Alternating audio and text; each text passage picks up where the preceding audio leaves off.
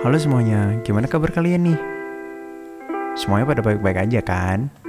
Gak ada yang kena corona kan?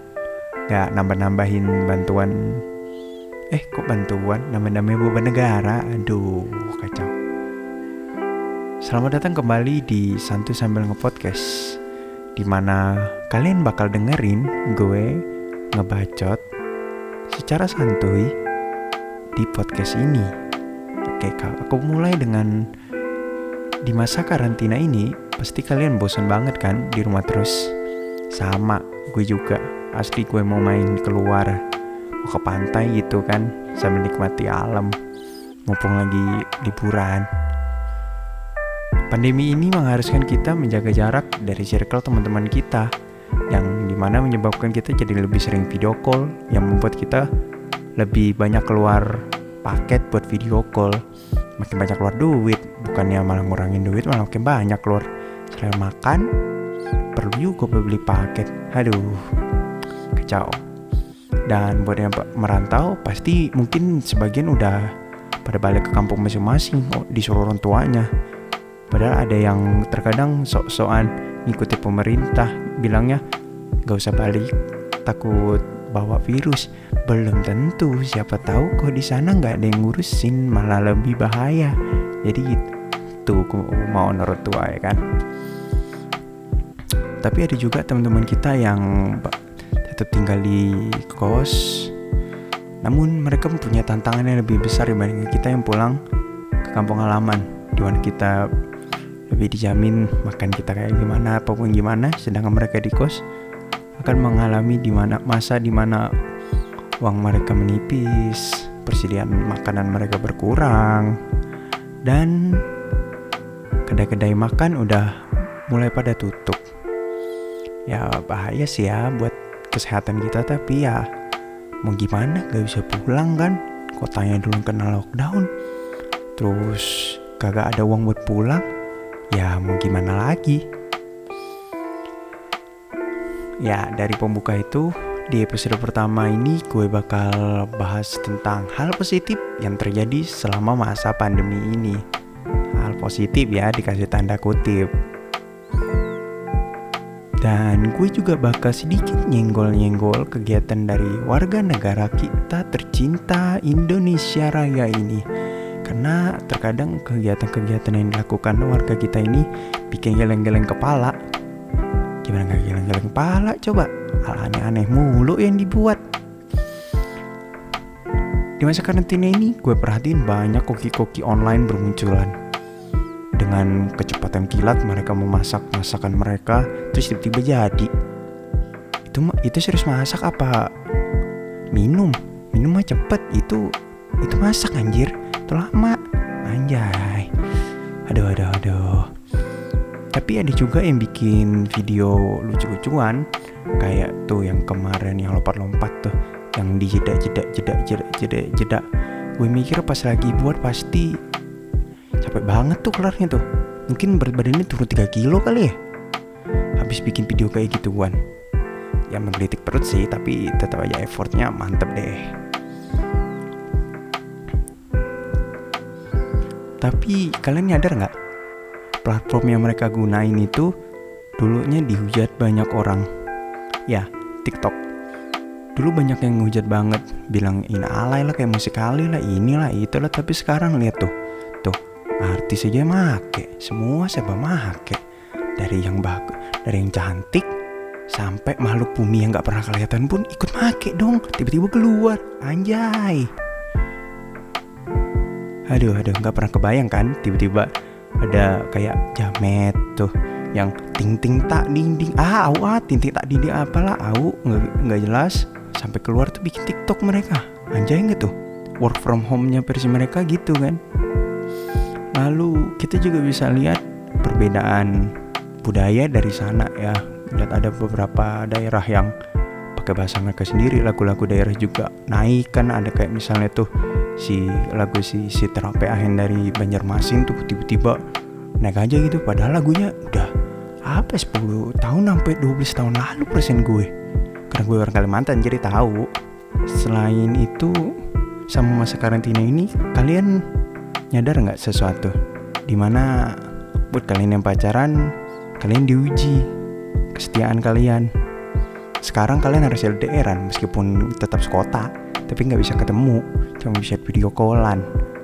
Sekarang pacar lu nggak bisa lu perhatiin setiap saat kecuali yang tukaran code apa password IG jadi bisa lihat-lihat DM kan tapi belum tentu WA nya eh tapi juga ya yang bisa nyadap. Disadap tuh WA mampus tuh cowok. Nggak sih ceweknya juga kadang-kadang kan di WA cowok gitu ya kan. Hmm, harus seimbang nggak boleh memihak salah satu pihak. Lalu di masa ini juga kita bisa jadi lebih dekat sama keluarga kita jadi lebih sering bareng keluarga ya kan? Yang biasanya dulu kita ngehedon pas lagi kuliah kelar kampus jalan ke mall. Nggak tahu uang ada apa kagak yang penting nongkrong di mall. Tuh akhirnya makan di KFC doang sama kerjain tugas. Aduh anak kuliah anak kuliah. Ya emang gitu sih wajar. Kalau ada uang dikit Starbucks yang ditujup. Memang nggak pernah irit. Taunya boros doang. Lalu di masa ini juga kita bisa tahu eh tahu tahu tahu yang benar ya kan ya? Yang mana orang baik dan yang mana orang jahat. Kayak di Jakarta tuh Pak Anies sudah bagi-bagi sembako lewat Pemprov. Terus ada aja orang nyinyir. Bilangnya kurang lah yang uangnya dikemanain lah gak ada bantuan lah. Eh lu pikir Jakarta isinya cuma lu? Lu kira dana sebanyak itu cuman buat ngasih makan lu aja gitu ya kan? Dikira dikira Anis cuma ngurusin hidup lu sama keluarga lu. Ya kagak ya kan? Harus seimbang gitu. Ngasih semua ini harus kayak orang kaya gitu dikasih ikan ini ikan ikan su apa? Ikan pedang tuh. Ya mahal gitu ikan salmon. Mungkin ya. Mungkin mulai kayak gitu ya tuh tuh tuh. Orang-orang yang punya ini yang dapat sembako kemarin yang nyinyir gara-gara sembako cuman isinya mie terus ini apa namanya ini sarden. Padahal mereka dapat belas 5 kilo anjir. 5 kilo 50 ribu anjir. 50 ribu. Dikira murah. Hah ada-ada aja. Gitu ya kalau udah namanya benci Apa pun yang dilakuin orang padahal udah bagus tuh niat Pak Anies kayak gitu Tetep aja dibenci sama orang-orang itu. Aduh memang kacau nih. Gue ngatakan ini bukan karena gue dukung Pak Anies atau apa ya tapi ya kasihan aja gitu sama Pak Anies. Udah ngelakuin niat baik udah punya niat baik udah ngelakuin apa pun yang menurut dia baik yang bisa membantu warga Jakarta eh warganya ada yang nyinyir dong. Kayak Pak Jokowi udah difitnah sini sana situ ya udah ya. Bapak juga akhirnya ngeluarin pasal biar nggak bisa difitnah gitu kan. Ih takut bikin takut nggak boleh ngolok-ngolok tuh. Ih mampus tuh yang suka ngolok-ngolokin presiden tuh. Mampus. Tapi itu nggak sebanding sih sama yang lagi nggak balik hits nih. Si itu itu yang dan pakai balon. Ya sih dan pakai balon atau apa sih? Gimana dia terkenal kemarin? Yang di podcast Om Deddy yang halunya tingkat dewa tuh sama Om Deddy tuh. Aduh sebanding tuh sama itu tuh yang telur apa lagi mau beli jajanan aja anak SD aja ngeliatnya kayak dalam kayak mau ngomong ih ini orang ngapain sih? Ini siapa sih? Sok-sok kayak sok kayak youtuber ini youtuber siapa? Kagak pernah lihat gue anjir. Pentol aja nolak tuh dimakan sama dia. Makan pentol puyuh. Eh tapi telur puyuhnya nggak ikut masuk terus bilangnya ke kamera hmm, enak ya puyuhnya. Rasanya puyuhnya gimana gitu? Pala lu. Pala lu masuk. Masa pala lu tuh tuh, tuh, tuh makan tuh pala lu.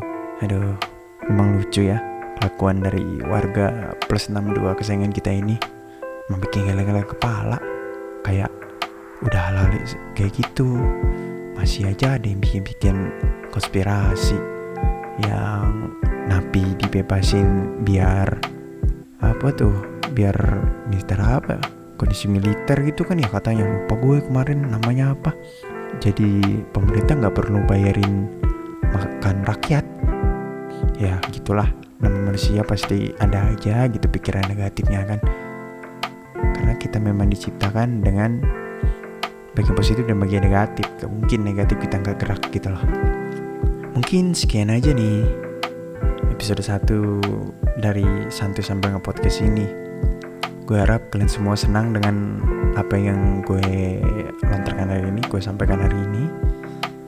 Dan aku harap kalian tetap dengerin podcast ini ya sampai episode episode berikutnya. Nggak tahu tuh sampai beberapa paling 13 ya. Kayak season anime gitu ya kan cuma 13 tapi nggak ah mungkin aku bisa bikin ya sebanyak yang aku bisa lah nanti ya.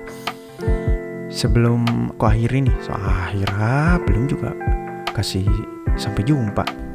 Buat penutup gue kasih nih pesan-pesan. Pesan? Kok pesan-pesan? Ya amat pesan-pesan. Mungkin sedikit pesan lah ya.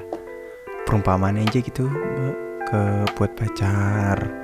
Ataupun ya buat ya lagi dikepet gitu ya. Pesanku gue buat itu ialah buat kalian nih buat sampein ke pacar kalian. Ya kesehatan ya aku nggak mau di akhir pandemi ini kita nggak bisa ketemu lagi nggak bisa jalan bareng nggak bisa makan bareng nggak bisa main dan gak bisa denger canda guraumu. So jaga kesehatan ya buat aku dan keluargamu. Sekian aja, aku ucapkan terima kasih.